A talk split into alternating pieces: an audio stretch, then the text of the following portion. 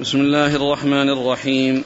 الحمد لله رب العالمين والصلاة والسلام على عبد الله ورسوله نبينا محمد وعلى آله وصحبه أجمعين.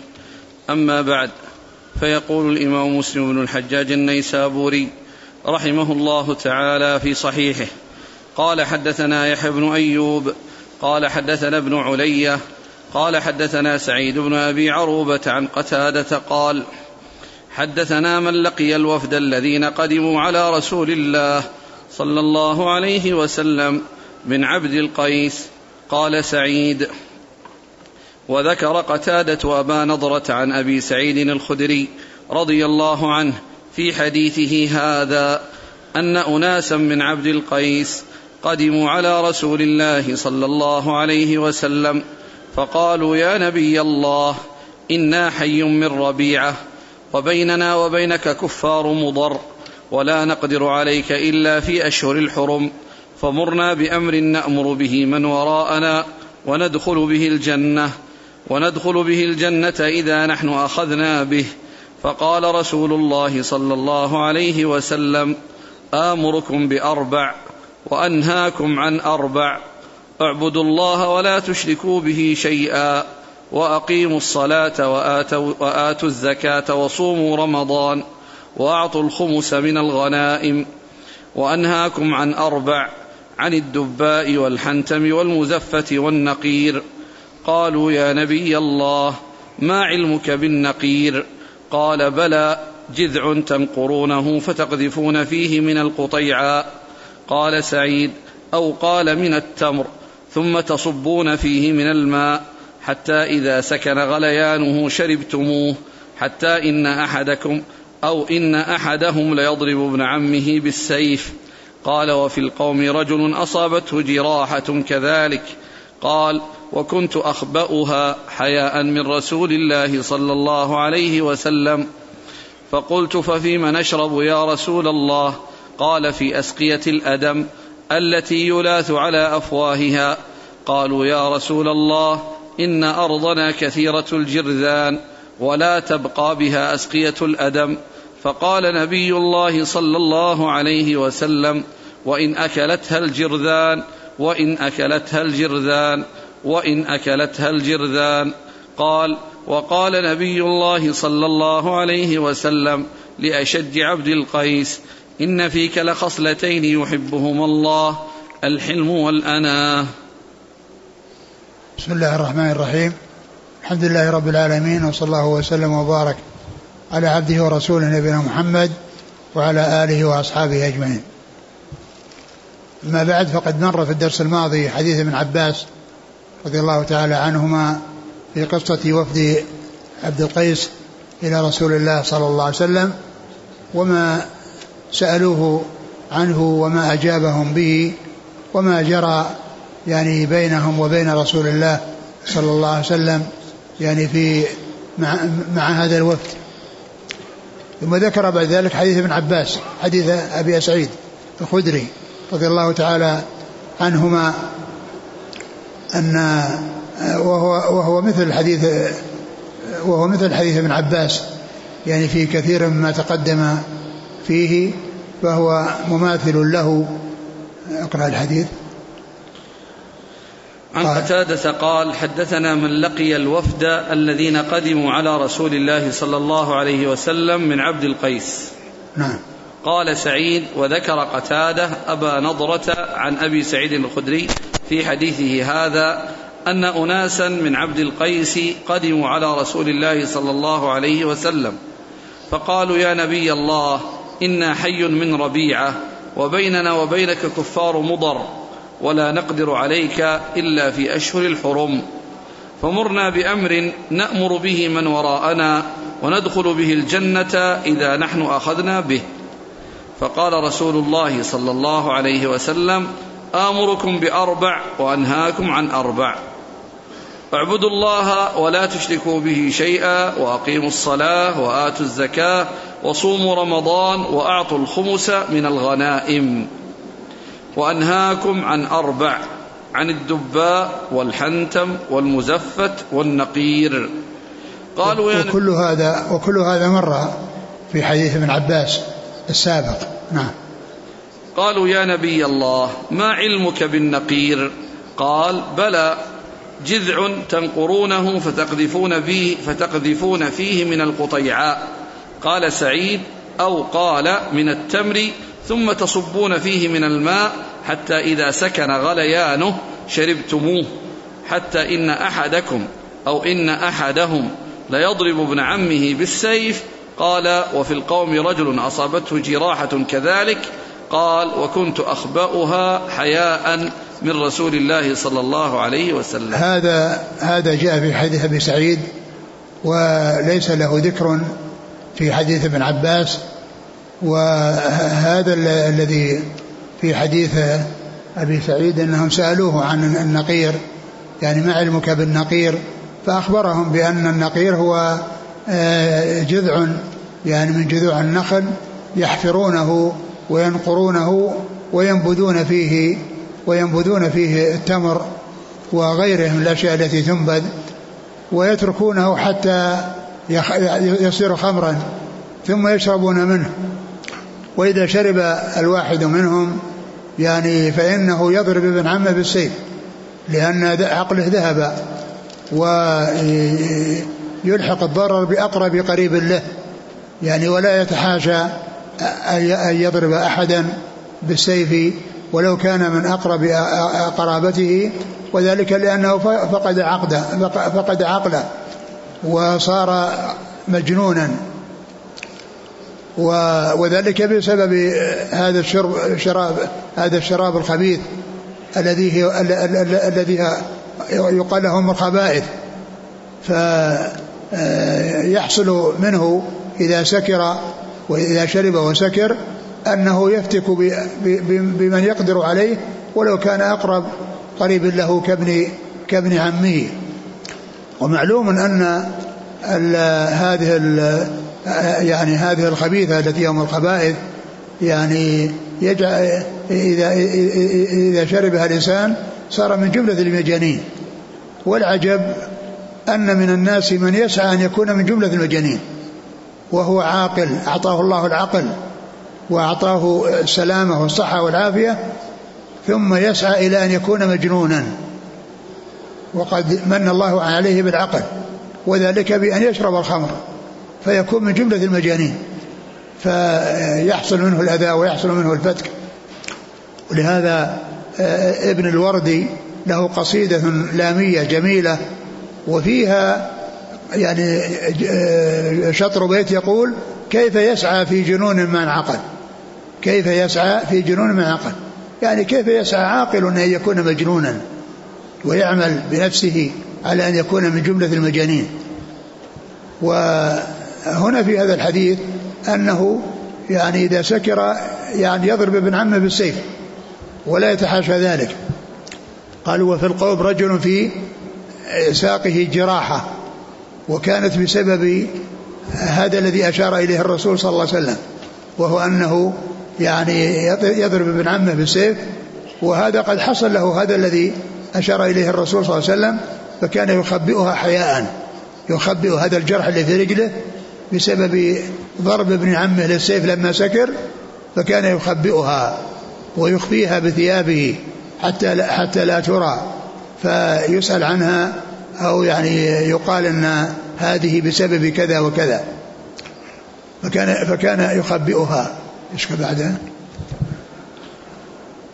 فقلت ففيما نشرب يا رسول الله؟ وقصص ال ال ال ال الذين يسكرون ويحصل منهم ويحصل منهم زوال العقل ثم يفعلون الأفاعيل التي لا تحصل يعني والتي يعني آه، تعتبر من من من أخطر الأشياء وأسوأها التي تحصل منهم في حال سكرهم. أذكر أن شيخنا شيخ أحمد الأمين الشنقيطي رحمة الله عليه كان يحكي قصة ويقول إن إنسانا كان سكر فصار يبول في يديه ويغسل وجهه. صار يبول في يديه ويغسل وجهه. ويقول الحمد لله الذي أنزل من السماء ماء طهورا. يعني فهذا يعني ذهاب العقل يؤدي إلى هذا. وكل إنسان يسعى إلى أن يكون بهذه المثابة بحيث يعني يبول في يديه و ويغسل وجهه بهذا البول. يعني هذا كله نتيجة لهذه الخبيثة التي هي التي هي أم الخبائث. إيش بعده؟ قلت ففيما نشرب يا رسول الله. قلت ففيما نشرب. يعني إذا كانت يعني يعني النقير وهذا الذي يعني إذا حصل فيه آه، يصير فيه الخمر وأن الرسول نهاهم عن هذه الأربعة التي آه، آه، ذكرها والتي هي من الأشياء الصلبة القاسية التي يسرع الإسكار إليها وهم لا يدرون ولا يعرفون ذلك. فقالوا فيما نشرب؟ فأرشدهم إلى أنهم يشربون بالأوعية من الجلود التي هي الأسقية والتي يربطون على أفواهها خيطا وينبذونه فيها مدة يعني يسيرة ثم يشربون وإنما رخص في الأسقية ولم يرخص في هذه الأوعية لأن تلك جلودها أو أغلفتها ثخينة ومتينة وقاسية ويابسة فإذا حصل إسكار في داخلها لا يعرف على خارجها بخلاف الجلود فإنه إذا تخمر ما في داخلها يعني يحصل انشقاق تنشق لأنها رقيقة. أو أو يحصل يظهر أثر التغير على سطحها من الخارج وإن لم تنشق. يعني بحيث يتغير اللون ويظهر على على على على على ظاهر الجلد أو ظاهر الاستقاء يعني شيء يدل على أن الذي في داخله يتغير.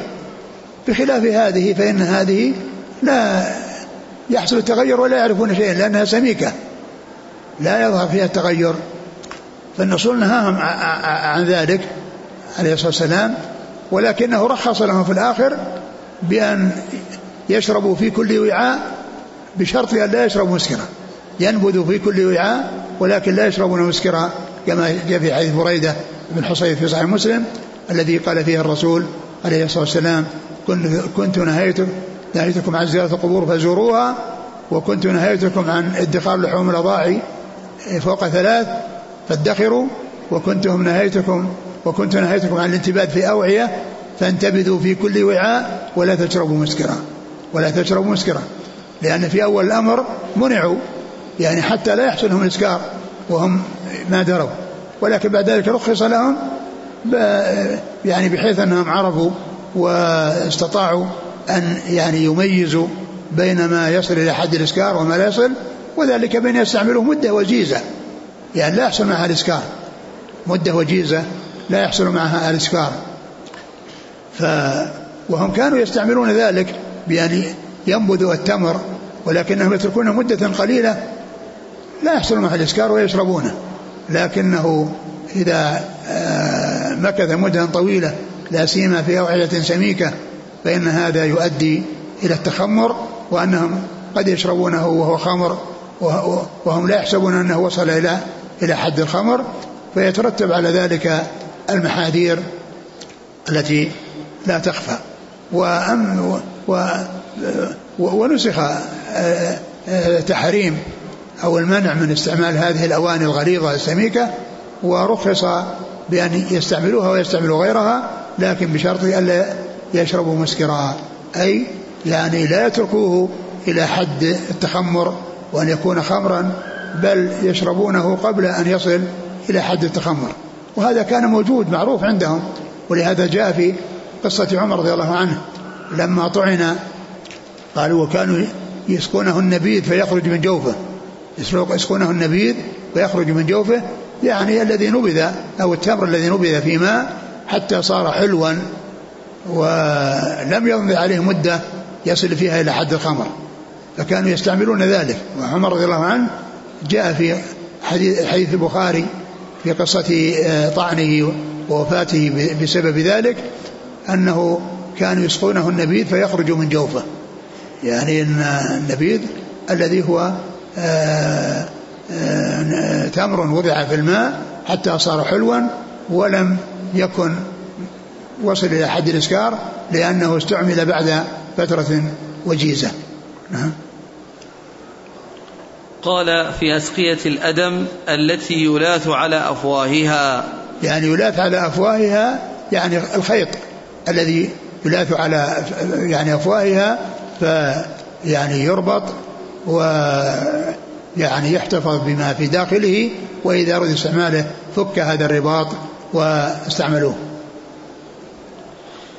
قالوا يا رسول الله إن أرضنا كثيرة الجرذان ولا تبقى بها أسقية الأدم. إن أرضنا كثيرة الجرذان والجرذان هي قيل هي الفار وقيل هي الذكور من من الفار وهي يعني في الغالب تكون من حجمها كبير. يعني الجرذ هذه تكون حجمها كبير. وكانت تقرض مثل الجلود. قالوا ان أرضنا كثيره الجرذان يعني وأنها تقرض الأسقية فتخربها علينا ويخرج ما في داخلها. يعني أرادوا أن يعني يبينوا أنهم بحاجة إلى أن يستعملوا يعني أشياء قاسية وأن الشيء الرقيق الذي هو كالجلد يعني تقرضه الجرذان فلا يستفيدون منه. فقال وإن وإن وإن أكلته الجرذان. وإن؟ قال وإن؟ نعم وإن أكلتها الجرذان وإن أكلتها الجرذان وكرر ذلك. يعني أنهم يستعملون هذا يعني ويحافظون عليه من من الجرذان ولا يستعملون ذلك الغليظ السميك الذي يسرع إليه الإسكار.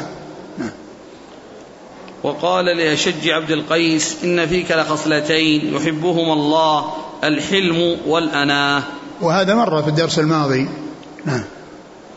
قال حدثنا يحيى بن أيوب نعم. عن ابن علية إسماعيل بن إبراهيم بن علية. عن سعيد بن أبي عروبة نعم. عن قتادة ابن دعامة السدوسي. قال حدثنا من لقي الوفد الذين قدموا على رسول الله صلى الله عليه وسلم من عبد قيس. قال سعيد وذكر قتادة أبا نضرة. يعني أبا نضرة هو الذي يعني يعني كان آه، سعيد قتادة روى يعني ذكر جماعة يعني وذكر منهم أبا نضرة وهو المنذر بن مالك بن قطعة. عن أبي سعيد الخدري. نعم. وأبو سعيد سعد بن مالك بن سنان هو وأبوه صحابيان وهو أي أبو سعيد أحد السبعة المعروفين بكثرة الحديث عن النبي صلى الله عليه وسلم. قال حدثنا محمد بن المثنى وابن بشار قال حدثنا ابن أبي عدي عن سعيد عن قتادة قال حدثني غير واحد لقي ذاك الوفد وذكر أبا نضرة عن أبي سعيد الخدري رضي الله عنه أن وفد عبد القيس لما قدموا على رسول الله صلى الله عليه وسلم بمثل حديث ابن علية غير أن فيه وتذيفون فيه من القطيعاء. أو التمر والماء ولم يقل قال سعيد أو قال من التمر. ثم ذكر طريقا أخرى لحديث أبي سعيد الخدري وفيه أنه قال يعني تذيفون يعني تخلطون فيه من القطيعاء وقيل إنه صغار التمر. قيل القطيعاء المقصور بها صغار التمر. يعني يحطوا يجعلون يعني هذا الماء الذي في الأوعية يجعلون معه تمرا تمرا أو صغار التمر يعني يخلطونه به ويبقى مدة يعني حتى يحصل منه التخمير الذي يفسد العقل وهو الذي يمنع. وأما إذا كان قبل ذلك ولم يصل إلى حد التخمير فإنه مباح. والقطيعة قيل هي صغار التمر. قال حدثنا محمد بن المثنى وابن بشار. محمد المثنى وابن بشار هذان من شيوخ أصحاب الكتب الستة. شيخان من شيوخ أصحاب الكتب الستة التسعة. وهذان الاثنان يعني متلازمان ومتقاربان ومتماثلان فإنهما جميعا في زمن واحد وكان من أهل البصرة ومتفقان في الشيوخ والتلاميذ ومات في سنة واحدة وهي سنة 52 و200 ولهذا الحافظ بن حجر ذكر في ترجمة محمد المثنى قال, قال وكان هو بن دار كفر سريهان ومات في سنة واحدة يعني أنهما متماثلان في الشيوخ والتلاميذ وكذلك يعني في كونهم من أهل البصرة وكونهم في زمن واحد وأيضا مات في سنة واحدة. عن ابن أبي عدي. وهو محمد بن إبراهيم. عن سعيد عن قتادة عن غير واحد لقي ذلك الوفد وذكر أبا نضرة. يعني هو المعول عليه أبو نضرة لأنه هو الذي يعني ذكره وصار الاتصال به. نعم. عن أبي سعيد الخدري. نعم. قال حدثني محمد بن بكار البصري قال حدثنا أبو عاصم عن ابن جريج. حاء قال وحدثني محمد بن رافع واللفظ له. قال حدثنا عبد الرزاق قال أخبرنا ابن جريج قال أخبرني أبو قزعة أن أبا نضرة أخبره وحسنا. أخبرهما أن أبا سعيد الخدري أخبره أن وفد عبد القيس لما أتوا نبي الله صلى الله عليه وسلم قالوا يا نبي الله جعلنا الله فداءك ماذا يصلح لنا من الأشربة؟ فقال لا تشربوا في النقير. قالوا يا نبي الله جعلنا الله فداءك أو تدري ما النقير قال نعم الجذع ينقر وسطه ولا في الدباء ولا في الحنتمة وعليكم بالموكى. ثم ذكر هذا الحديث عن أبي سعيد من طريق أخرى وفيه أن أن أنهم سألوه عن الأشربة وكان هذا الجواب من كونه لا تشرب بكذا ولا كذا ولا كذا يعني لأنهم سألوه عنها. يعني هذا هو السبب الذي جعله ينص عليها لأنهم لأنه جواب لأسئلتهم وأن الرسول لما سألوه قال لا تشربوا بكذا ولا بكذا ويقصد بذلك آه هذه الأشياء التي مرت بالأحاديث السابقة والتي هي سميكة غليظة وقال آه يعني أمرهم بأن يشربوا في الموكى. والموكى أي السقاء الذي يوكى بالخيط الموكى أي الاستقاء من الجلد الذي يوكى يعني بالخيط. عد عد المتن وش قال؟ أن وفد عبد القيس لما أتوا نبي الله صلى الله عليه وسلم قالوا يا نبي الله جعلنا الله فداءك ماذا يصلح لنا من الأشربة؟ فقال لا تشربوا في النقير. قالوا يا نبي الله جعلنا الله فداءك أو تدري ما النقير؟ قال نعم الجذع ينقر وسطه ولا في الدباء ولا في الحنتمة وعليكم بالموكى نعم وهذه مرت في الدرس الماضي الذي الحنتم و وكذلك المزفت وكذلك الدباء نعم. لماذا استغربوا النقير؟ ما أدري يعني قضية يعني هو بالنسبة للمدينة يعني هي هي بلاد النخل وبلاد التمر ويعني ولكن كونهم لا يعرفون ذلك يعني سألوه. وأما بالنسبة للرسول صلى الله عليه وسلم فليس بغريب عليه بل هي المدينة مدينة التمر ومدينة النخل ويعني كونه يعني يخبرهم بأن بأنهم ينقرون جذع النخل ويضعون فيها. فما أدري أي وجه يعني يعني إلا يكون من جهتهم لا من جهة الرسول صلى الله عليه وسلم. وكأنهم سألوه ما هو النقير. نعم. قال حدثنا محمد بن بكار البصري نعم. عن أبي عاصم وهو الضحاك بن مخلد النبيل. عن ابن جريج عبد الملك بن عبد العزيز بن جريج. ها قال وحدثني محمد بن رافع نعم. واللفظ له. نعم. قال حدثنا عبد الرزاق نعم. عن عن ابن جريج نعم. عن أبي قزعة. أبو قزعة هو سويد بن حجير. سويد بن حجير. نعم. عن أبي نضرة. عن أبي نضرة وهو المنذر بن مالك بن قطعة.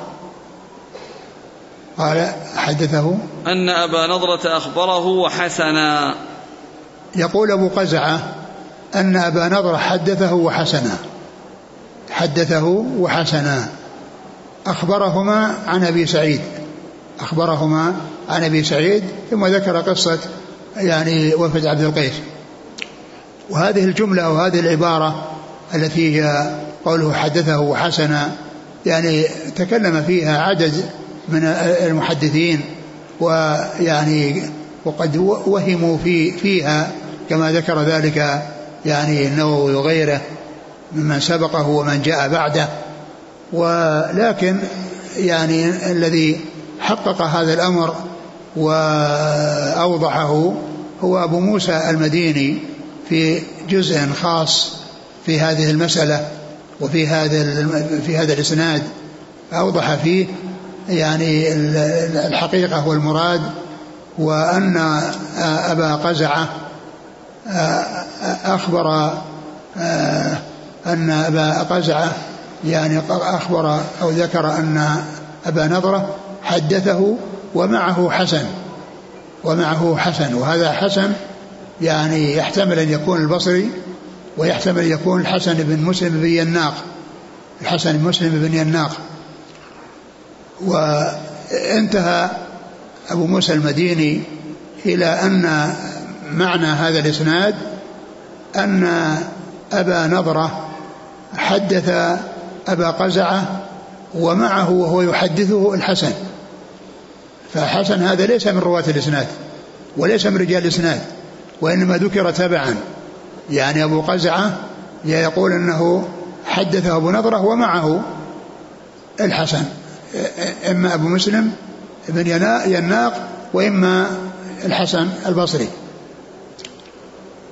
يعني أخبرهما يعني أكد أتى بالكلام من جديد أخبرهما أي آآ آآ أي أبو نضرة أخبر أبا قزعة ومعه الحسن. عن أبي سعيد عن عن أبي سعيد أن الرسول قال في في قصة وفد عبد القيس. فيكون الحسن هذا ليس من ليس من رجال الإسناد.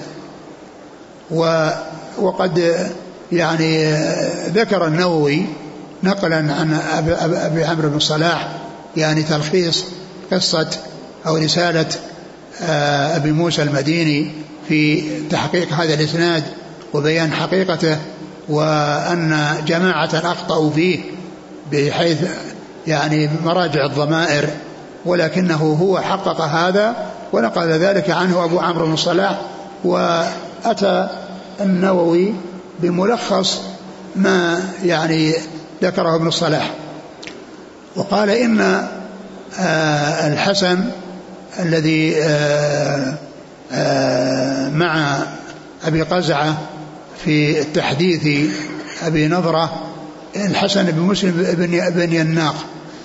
وذكر يعني أن سلمة بن شبيب يعني رواه بإسناده وسماه فقال أن أن أبا أن أبا نضر حدثه وحسن بن مسلم بن يناق. يعني فسماه. يعني ما بقي الاسم مبهما. لكن الحافظ بن حجر في نكته على تحفة الأشراف في صفحة في الجزء الثالث صفحة 465 قال إنه الحسن البصري. قال إنه الحسن البصري وأن الحسن ليس راويا وإنما ذكر تبعا. وعلى كل حال سواء كان الحسن البصري أو كان الحسن مسلم بن يناق يعني سواء هذا أو هذا فإن ذلك لا دخل له لا تأثير له بالإسناد لأن الإسناد بدونه يعني أبو قزعة عن أبي نضرة عن أبي سعيد الخدري.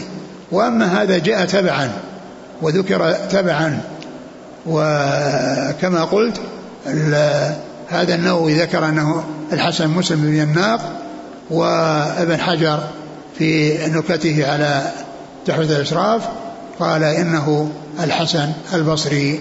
وعلى كل حال سواء هذا وهذا فإن ذلك لا دخل له يعني في إسناد الحديث. لأن الإسناد يعني آه العمدة فيه على أبي قزعة عن أبي نضرة عن أبي سعيد. وهذا إنما ذكر تبعا. فسواء كان هذا أو هذا لا يؤثر. ثم أيضا كل منهما ثقة. لو كان الأمر دار بين اثنين كل منهما ثقة فذلك لا يؤثر.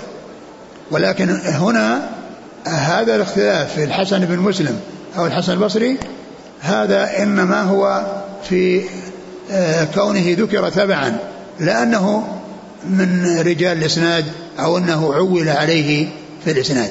نعم.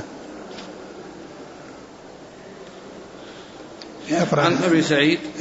قال أن أن أبا قزعة أخبره يعني أخبره يعني أخبر عبد الملك بن جريج أن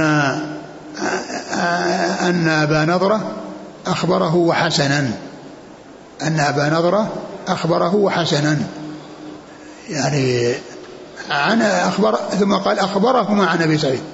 يعني أتى بجملة أخبرهما للتأكيد. فترجع إلى آه، أبي قزعة وترجع إلى الحسن. يعني يكون أبو نضرة أخبر أبا قزعة وأخبر الحسن عن أبي سعيد والراوي هو أبو قزعة وليس الحسن. نعم. قال حدثنا أبو بكر بن أبي شيبة وأبو كريب وإسحاق بن إبراهيم جميعا عن وكيع. قال أبو بكر حدثنا وكيع عن زكريا بن إسحاق. قال حدثني يحيى بن عبد الله بن صيفي عن أبي معبد عن ابن عباس عن معاذ بن جبل رضي الله عنهم.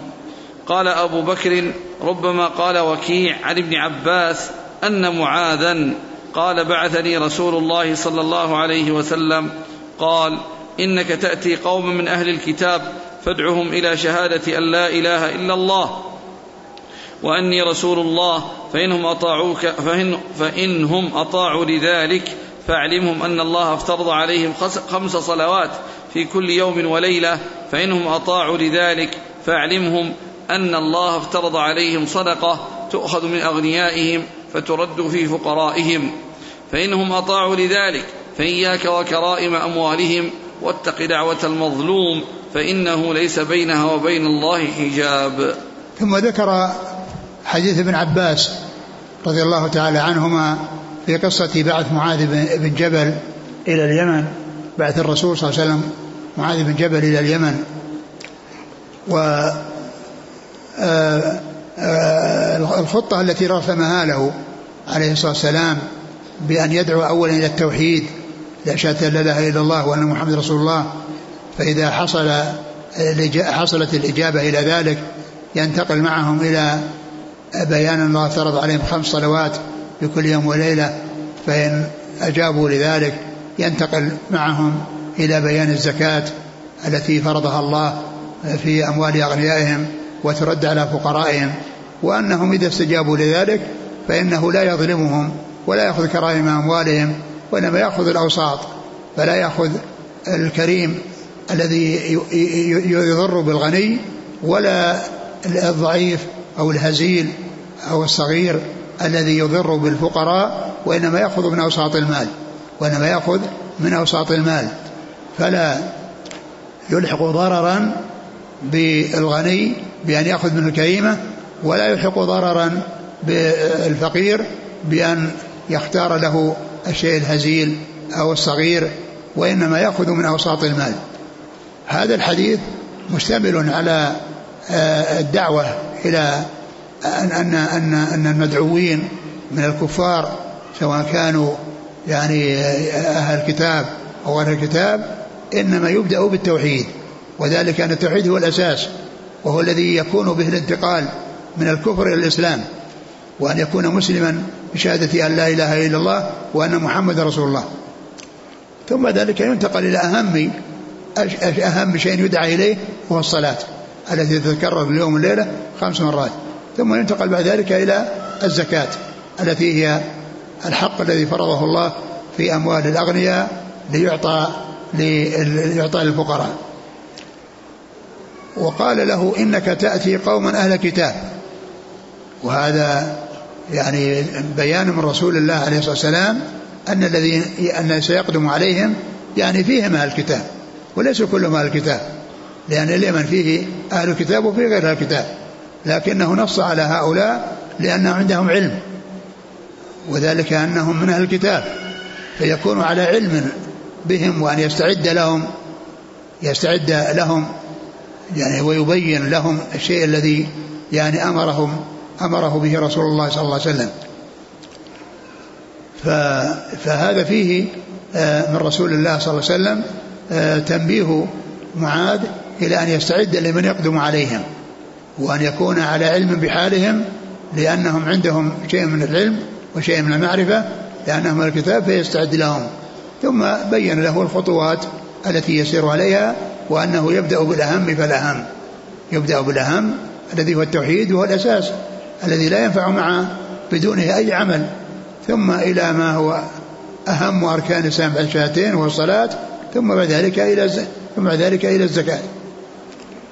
وهذا الحديث أورده البخاري رحمه الله في أول كتاب الزكاة وأورده أيضا في أول كتاب التوحيد. يعني فصدر كتاب الزكاة بهذا الحديث وصدر كتاب التوحيد بهذا الحديث. وكذلك النسائي وابن ماجه كل منهم صدر كتاب الزكاة بهذا الحديث. وتبعهم على ذلك جماعة من العلماء مثل عبد المغني عبد الغني المقدسي في عمدة الأحكام صدر كتاب الزكاة بهذا الحديث. وابن حجر في بلوغ المرام صدر كتاب الزكاة بهذا الحديث. والمجد بن تيمية في المنتقى صدر كتاب الزكاة بهذا الحديث. والبغوي في فرح السنة صدر كتاب الزكاة بهذا الحديث. وابن عبد الهادي في المحرر صدر كتاب الزكاة بهذا هذا الحديث في كتاب جعل هذا أول حديث في كتاب الزكاة. الحاصل أن هذا الحديث لأهميته ولعظيم شأنه وخاصة فيما يتعلق بالزكاة لأنه جعلها أهم شيء بعد الصلاة. لأنه رتب هذا الترتيب فمن أجل ذلك قدموه وجعلوه يعني مقدما على غيره فيما فيه إيجاب الزكاة وبيان حكم الزكاة وإيجابها. آآ آآ لكون الرسول صلى الله عليه وسلم بدأ بالأهم وهو التوحيد ثم الذي يليه الصلاة ثم يليه الزكاة ثم يليه الزكاة. وهذه الأمور الثلاثة التوحيد هو الأساس الذي يبنى عليه كل شيء وكل عمل يبنى على التوحيد وعلى شهادة لا إله إلا الله محمد رسول الله. ثم الصلاة التي هي أم العبادات البدنية أم العبادات البدن البدنية. ثم الزكاة الذي هي أم العبادات المالية أم العبادات المالية. ولم يذكر الصوم ولا الحج. مع أن بعث معاذ إلى اليمن كان في زمن متأخر. قد فرض فيه الحج وفرض, وفرض, وفرض الصيام. وإنما تركهما يعني فلم يذكرهما. يعني قال بعض العلماء إن هذا من تصرف الرواة. وهذا غير صحيح. وإنما يعني كما قال بعض أهل العلم إن المقصود من ذلك أن من أنه آه، أن من أتى بهذه الأشياء فإنه من السهل عليه أن يأتي بما وراءها.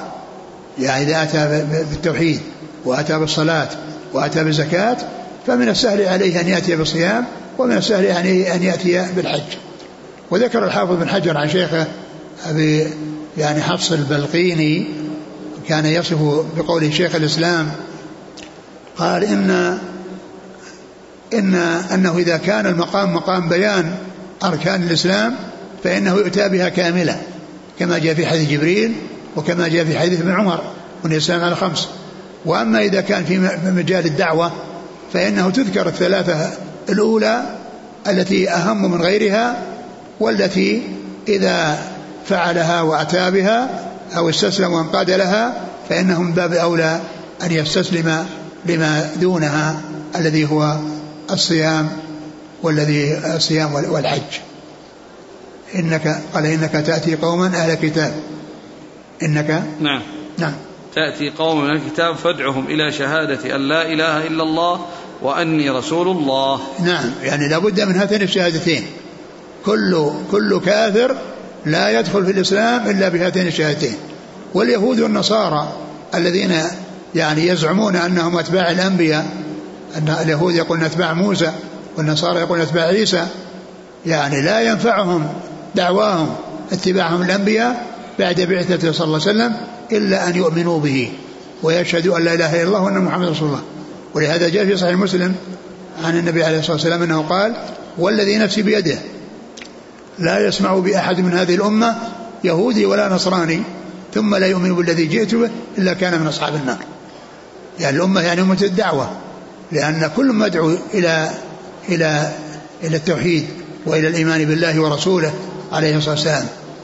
كل مدعو يعني فالدعوة موجهة للجميع. حتى يشهد لا إلا الله وان محمد رسول الله عليه الصلاة والسلام. نعم. ثم؟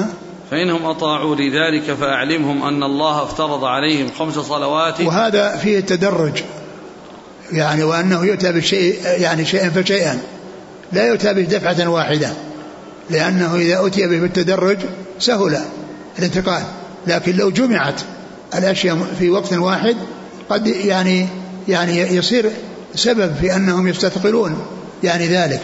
لكن إذا قيل لهم شيء ثم دخلوا فيه ثم قيل لهم الذي يليه ثم قيل لهم الذي يليه كان ذلك سهلا في دخولهم فيه وإذعانهم وانقيادهم له. فإذا الرسول صلى الله عليه وسلم ما قال له قل لهم لفظ عليكم كذا وكذا وكذا وإنما رسم له خطة في التدرج والبدء بالأهم فالذي يليه. نعم. فإنهم فإنهم أطاعوا لذلك فاعلمهم أن الله افترض عليهم فإنهم أطاعوا لذلك يعني انقادوا لذلك واستسلموا لذلك. فأعلمهم يعني بعد أن استجابوا للأول أن الله افترض عليهم خمس صلوات في كل يوم وليلة. خمس صلوات في كل يوم وليلة. وهذه أعظم أركان الإسلام الشهادتين اللي هي الصلاة وهي عمود الإسلام وهي التي تتكرر في اليوم والليلة خمس مرات. فهي أهم من غيرها لأن غيرها لا يتكرر مثلها. فالزكاة تأتي في السنة مرة واحدة. وفي حق الأغنياء الذين ملكوا نصابا وحال عليه الحول. والصيام يأتي شهرا في السنة والحج مرة في العمر وأما الصلاة في اليوم والليلة خمس مرات فهي مقدمة على غيرها. نعم. فإنهم؟ فإنهم أطاعوا لذلك فأعلمهم أن الله افترض عليهم صدقة تؤخذ من أغنيائهم فترد في فقرائهم. افترض عليهم صدقة وهذا في إطلاق الصدقة على الواجبة والمستحبة وهنا المقصود بها الواجبة. هنا المقصود بها الواجبة فإن الصدقة تطلق على الواجبة وعلى المستحبة.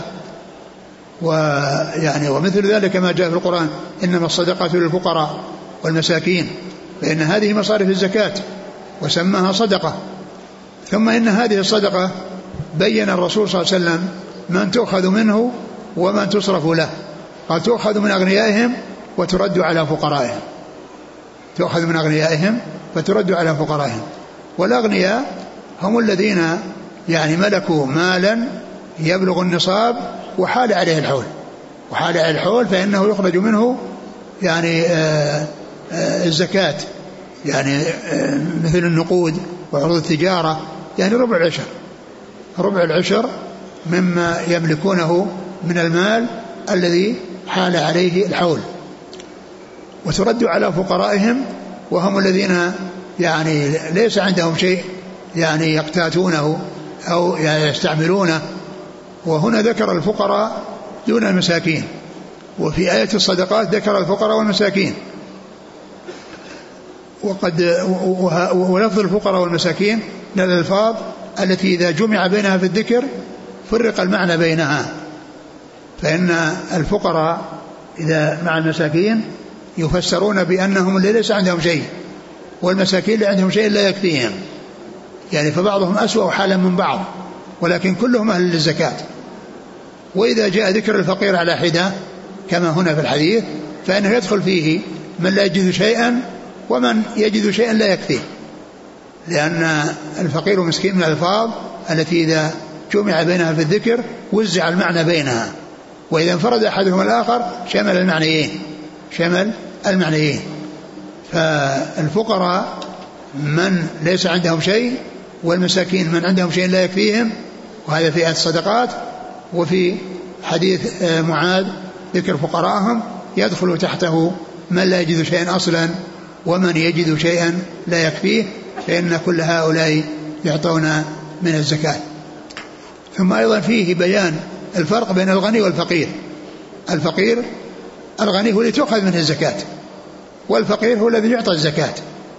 ومعنى ذلك أن الإنسان إذا ملك نصابا وحال عليه الحول وكان زائدا عن كفايته وهو مستغن عنه يأكل ويشرب ويعني يستفيد من ماله غير هذا المال المدخر. فإنه يكون بذلك غنيا لأنه استغنى عن هذا المال الذي حال على الحول فيزكيه فيكون هذا هو الغني. الغني من تجب عليه الزكاة ولو كانت ولو كان المال قليلا. والفقير من يست... من يعطى الزكاة من يعطى الزكاة. الذي ليس عنده شيء يكفيه أو ليس عنده شيء أصلا. ليس عنده شيء أصلا وعنده شيء, شيء لا يكفيه. فإذا الحد الفاصل بين الفقير والمسكين الفقير هو الذي يعني تحل له الزكاة وليس عنده شيء. يعني أصلا أو لا يكفيه وأما ذاك يعني عنده مال زائد عن حاجته مدخر حال عليه الحول فيزكى. فالغني هو الذي يعني عنده شيء يزكيه ولو كان قليلا والفقير هو الذي ليس عنده شيء يكفيه أو ليس عنده شيء أصلا. قد اختلف في قوله الفقراء هل المقصود بها يعني فقراء البلد الذين فيه الزكاة أو أنها لعموم المسلمين؟ ولا شك أن أنه يجوز أن تكون لعموم لعموم فقراء المسلمين لكن أهل البلد الفقراء أولى من غيرهم. فإذا كان يعني الحاجة يعني غيرهم أشد حاجة أو أن أو أن أو أنهم يعني آآ لم يوجد في البلد فقراء أو وجد فيهم ولكنهم يعني يعني يكفيهم وزيادة أو أن غيرهم أشد حاجة فلا بأس بإخراجها من بلد إلى بلد ويكون المقصود بقوله فقرائهم يعني فقراء المسلمين. نعم. بعده. قال فإن أجابوا فإنهم أطاعوا لذلك فإياك وكرائم أموالهم. فإنهم أطاعوا لذلك يعني استسلموا وانقادوا ودفعوا الزكاة. ودفعوا الزكاة. قال إياك وكرائم أموالهم. يعني احذر أنك تأخذ كرائم الأموال.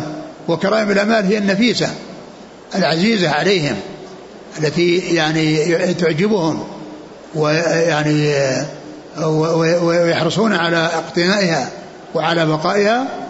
وهذا فيه إرشاد إلى أن من أخذها فإنه يكون ظالما. لأنه قال بعد ذلك واتق دعوة المظلوم. يعني أن من أخذ كرائم الأموال يكون ظالما. والظالم يدعى عليه وعليه أن لا يظلم حتى لا يدعى عليه فيتقي دعوة المظلوم بأن يسلم من الظلم ولا يعرض نفسه للدعاء عليه لكونه لكونه ظالما. وإنما يعني يحذر أن يقع في الظلم حتى لا يدعو عليه المظلوم فتصيبه الدعوة التي يستجيبها الله والتي ليس بينها وبين الله حجاب. فإن يوم أجابك لذلك فإياك احذر إياك تحذير إياك وكرائم احذر أن تأخذ كرائم الأموال. كرائم الأموال هي النفيسة التي هي عزيزة عليهم وكونها غالية الثمن وكونها كثيرة الشحم وكثيرة اللحم والشحم ف يعني يأخذ الأوساط فلا يضر الأغنياء بأخذ الكرائم ولا يضر الفقراء بأخذ الهزائل أو الأشياء الهزيلة. نعم. واتق دعوة المظلوم فإنه ليس بينها واتق دعوة المظلوم فيه إشارة إلى أن أخذ الكرائم ظلم. يعني وجه قوله واتق دعوة المظلوم الإشارة إلى أن ما حذر عنه من أخذ الكرائم أنه ظلم. لو أخذها الساعي فإنه يكون ظالما والظالم يعرض نفسه للدعوة عليه وأنه لا يعرض نفسه للظلم حتى لا تحصل له الدعوة من المظلوم التي يقبلها الله عز وجل ويعاقب الظالم. نعم. فإنه ليس بينها وبين الله حجاب. يعني الله يستجيب لها وليس هناك شيء يحجبها عن الله عز وجل. قال حدثنا أبو بكر بن أبي شيبة وأبو كريب وإسحاق بن إبراهيم. نعم. جميعا عن وكيع. نعم. قال أبو بكر حدثنا وكيع. نعم. عن زكريا بن إسحاق عن يحيى بن عبد الله بن صيفي عن أبي معبد عن عن ابن عباس. آه وكيع عن من؟ وكيع عن زكريا بن إسحاق نعم. عن يحيى بن عبد الله بن صيفي. عن أبي معبد وهو نافذ. مولى ابن عباس اسمه نافذ بالدال المعجمة. نعم. عن ابن عباس عن معاذ بن جبل. يعني هذه الرواية فيها أو هذه الطريق فيها أن الحديث مسند معاذ.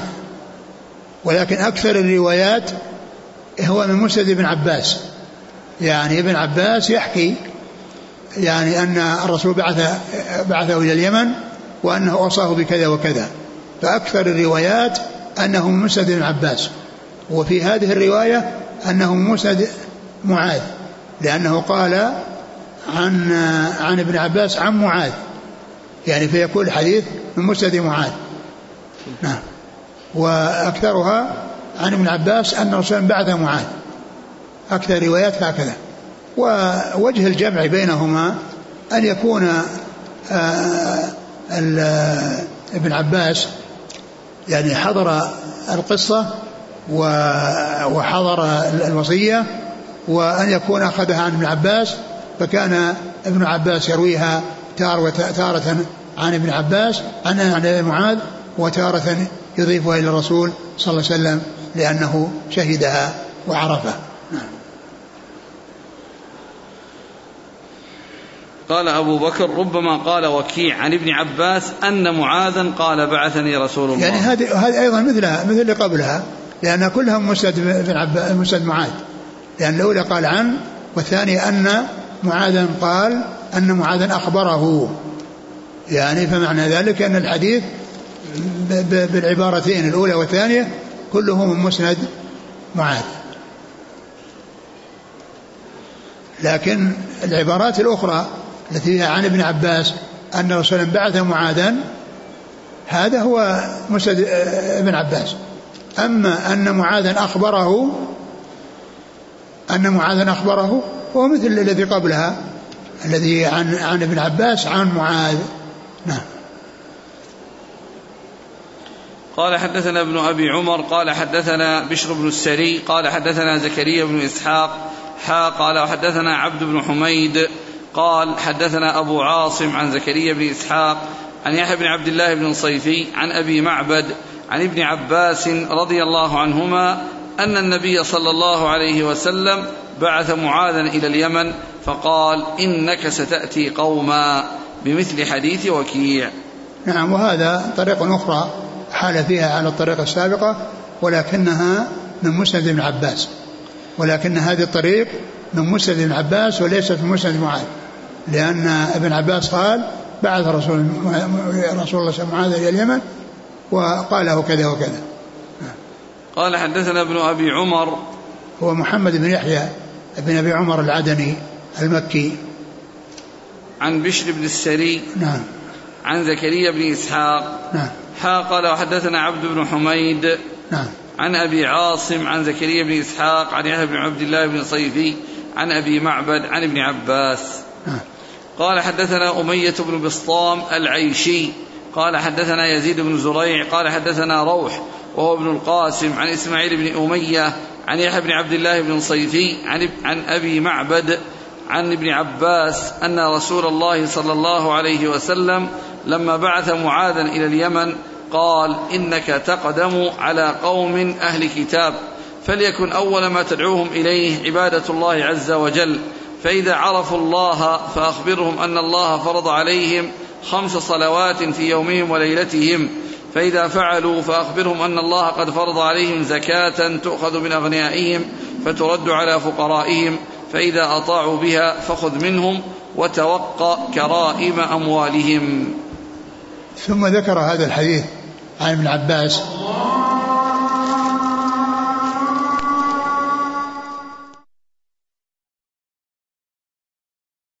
هذه الطريقة الأخرى التي فيها بيان وصية الرسول صلى الله عليه وسلم لمعاذ عندما بعث إلى اليمن يعني قال هنا يعبد الله. وفي الرواية السابقة يشهد لا إله إلا الله وأن محمد رسول الله. ومعلوم أن عبادة الله عز وجل هي مقتضى الشهادتين. الشهادة لله بالوحدانية والألوهية والشهادة لمحمد صلى الله عليه وسلم بالرسالة. وعبادة الله عز وجل إنما تكون طبقا لمقتضى الشهادتين. فشهادة لا إله إلا الله تقتضي أن لا يعبد إلا الله وشهادة أن محمد رسول الله تقتضي أن لا يعبد الله إلا بما جاء به رسول الله عليه الصلاة والسلام. ولهذا فإن العمل المقبول عند الله ما توفر شرطان أن يكون لله خالصا وأن يكون لسنة نبيه صلى الله عليه وسلم مطابقا وموافقا. فإذا كلمة هنا يوحد يعبد الله هو مقتضى الشهادتين وهذا والقصة واحدة والحكاية واحدة ولكن كل يروي يعني على حسب يعني ما فهمه وتدخله الرواية بالمعنى لأنها ليست قصتين وإنما هي قصة واحدة. عبر بعضهم بشهادتين وعبر بعضهم بالتوحيد وهما متلازمان. فالتوحيد وإفراد العبادة مقتضى الشهادتين لأن العمل المقبول عند الله لا يقبل إلا يتوفر فيه شرطان. أن يكون تجريد الإخلاص لله وحده وتجريد المتابعة للرسول صلى الله عليه وسلم. فإذا وجد الإخلاص ولم توجد المتابعة رد العمل لقوله صلى الله عليه وسلم من عمل من أحدث في أمرنا ما ليس منه رد. وفي لفظ لمسلم من عمل عملا ليس عليه أمر فهو رد. ومن أتى بالشيء وفقا يعني آه يعني موافقا لحديث الرسول صلى الله عليه وسلم ولكنه أتى به ليس مخلصا لله فإن عمله يرد عليه. يقول الله عز وجل وقدمنا إلى ما عملوا من عمل فجعلناه هباء منثورا. وقال الله عز وجل في الحديث القدسي أنا أغنى الشركاء عن الشرك من عمل عملا أشرك فيه معي غيري تركته وشركه. فلا بد في كل عمل يتقرب إلى الله أن يكون خالصا لوجه الله وأن يكون مطابقا لسنة رسول الله صلى الله عليه وسلم يعبد الله إيش؟ فليكن أول ما تدعوهم إليه عبادة الله نعم. عز وجل نعم. فإذا عرفوا الله فأخبرهم أن الله فرض عليهم خمس صلوات في يومهم وليلتهم نعم. فإذا فعلوا فأخبرهم أن الله قد فرض عليهم زكاة تؤخذ من أغنيائهم فترد على فقرائهم فإذا أطاعوا بها فخذ منهم وتوقى كرائم أموالهم. نعم. قال حدثنا أمية بن بسطام العيشي. نعم.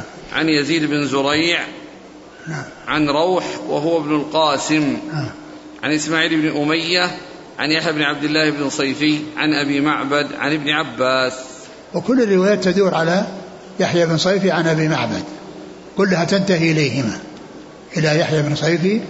يعني تتحد الطرق كلها إلى إلى يحيى بن صيفي. يحيى بن صيفي من اللي يروى عنه. هنا إسماعيل بن أمية. نعم. لأن قبل ذلك آه، يعني آه، فيه غيره لكن الاتفاق أو التلاقي عند يعني هذا الذي هو يحيى بن عبد الله بن صيفي. نعم. وعن أبي عن أبي معبد. نعم. انتهى. نعم. إيش بعده؟ باب الأمر بقتال الناس حتى يقولوا لا إله إلا الله والله أعلم وصلى الله وسلم وبارك على عبده ورسوله نبينا محمد وعلى آله وأصحابه أجمعين. جزاكم الله خيرا جزاكم الله خيرا وبارك الله فيكم وألهمكم الله الصواب ووفقكم للحق. شفاكم الله وعافاكم ونفعنا الله ما سمعنا غفر الله لنا ولكم وللمسلمين أجمعين. هل يمكن أن يقال أن حديث أو رواية ابن عباس مرسل صحابي؟ آه آه معلوم أن مراسيل الصحابة حجة ولا إشكال فيها ويمكن أن يقال ذلك وكثيرا من أحاديث ابن عباس هي من قبيل ما أخذه عن الصحابة لكنه مثل ما تقدم أنه يمكن احتمال أنه يعني رواه بواسطة وبغير واسطة بأن يكون حضر قصة وكذلك أخذها عن عن معاذ فيرويها على احتمال وعلى وعلى أنها مرسل أو من مراسيل فمراسيل الصحابة حجة. وكثير من حديث ابن عباس أخذها عن الصحابة. هل يجوز استعمال لفظ جعلني الله فداك لغير النبي صلى الله عليه وسلم؟ يقول بعض العلماء أن ذلك جائز وأن هذا يعني من من الإكرام يعني للشخص. ويقوله يعني من من باب الإكرام يعني لكن معلوم أن أن يعني أنه في حق الرسول صلى الله عليه وسلم ورد وقد ورد في في حق غير الرسول صلى الله عليه وسلم وأجازه بعض أهل العلم وقال إن إن ذلك سائغ. يقول هذا التدرج في الدعوة لا زال إلى الآن فأرى بعض الناس من النصارى وغيرهم يتوبون ثم يقولون لا أستطيع أن أصوم الشهر كل الشهر كله. التدرج لا شك أنه مطلوب. أقول مطلوب كما جاء عن رسول الله صلى الله عليه وسلم. فمثل هؤلاء الآن لو أسلم لكن يقول أنا ما أستطيع الصوم جميع الشهر. يقبل منه يقول صم ما تيسر والسنة القادمة. لا لا يدعى أقول يدعى يعني بالتدريج يعني هو الآن الصوم ما ذكر لأن من أقر بالأمور الثلاثة فهو من باب أولى أن يأتي. الذي بيحافظ على الصلوات يعني في اليوم والليلة خمس مرات من السهل عليه أنه يصوم يقول يقول إذا ذهب إنسان يزور القبور فهل يجوز له أن يدعو لنفسه عند القبور يدعو تبعا. يعني نسأل الله لنا ولكم العافية. لكن ما يقول اللهم اغفر لي اللهم ارحمني اللهم يسر أمري. يعني هذا مكان ليس مكان لدعائه عن نفسه. يدعو لنفسه في كل مكان. لكن هنا يدعو لغيره ويدعو لنفسه تبعا. نسأل الله لنا ولكم العافية. يقول هل لي أن أتصدق بقيمة وزن شعر مولودي على قريب لي محتاج هو ليس في المدينة في بلد آخر. أقول هذا شيء بسيط هذا أقول أقول أقول هذا شيء يسير. يتدخل الواحد بعيد يعني جائز لكن تعطى لفقير وذاك أعطه مما أعطاك الله. لأن للقريب حق غير الزكاة. للقريب حق غير الزكاة ويعطيه من ماله. ولكن إذا كان ما فيه الإنسان ما عنده شيء فالقريب أولى لأن الصدقة على القريب صدقة وصلة وعلى غير القريب هي صدقة فقط. جزاكم الله خيرا. سبحانك الله وبحمدك نشهد أن لا إله إلا أنت نستغفرك ونتوب إليك.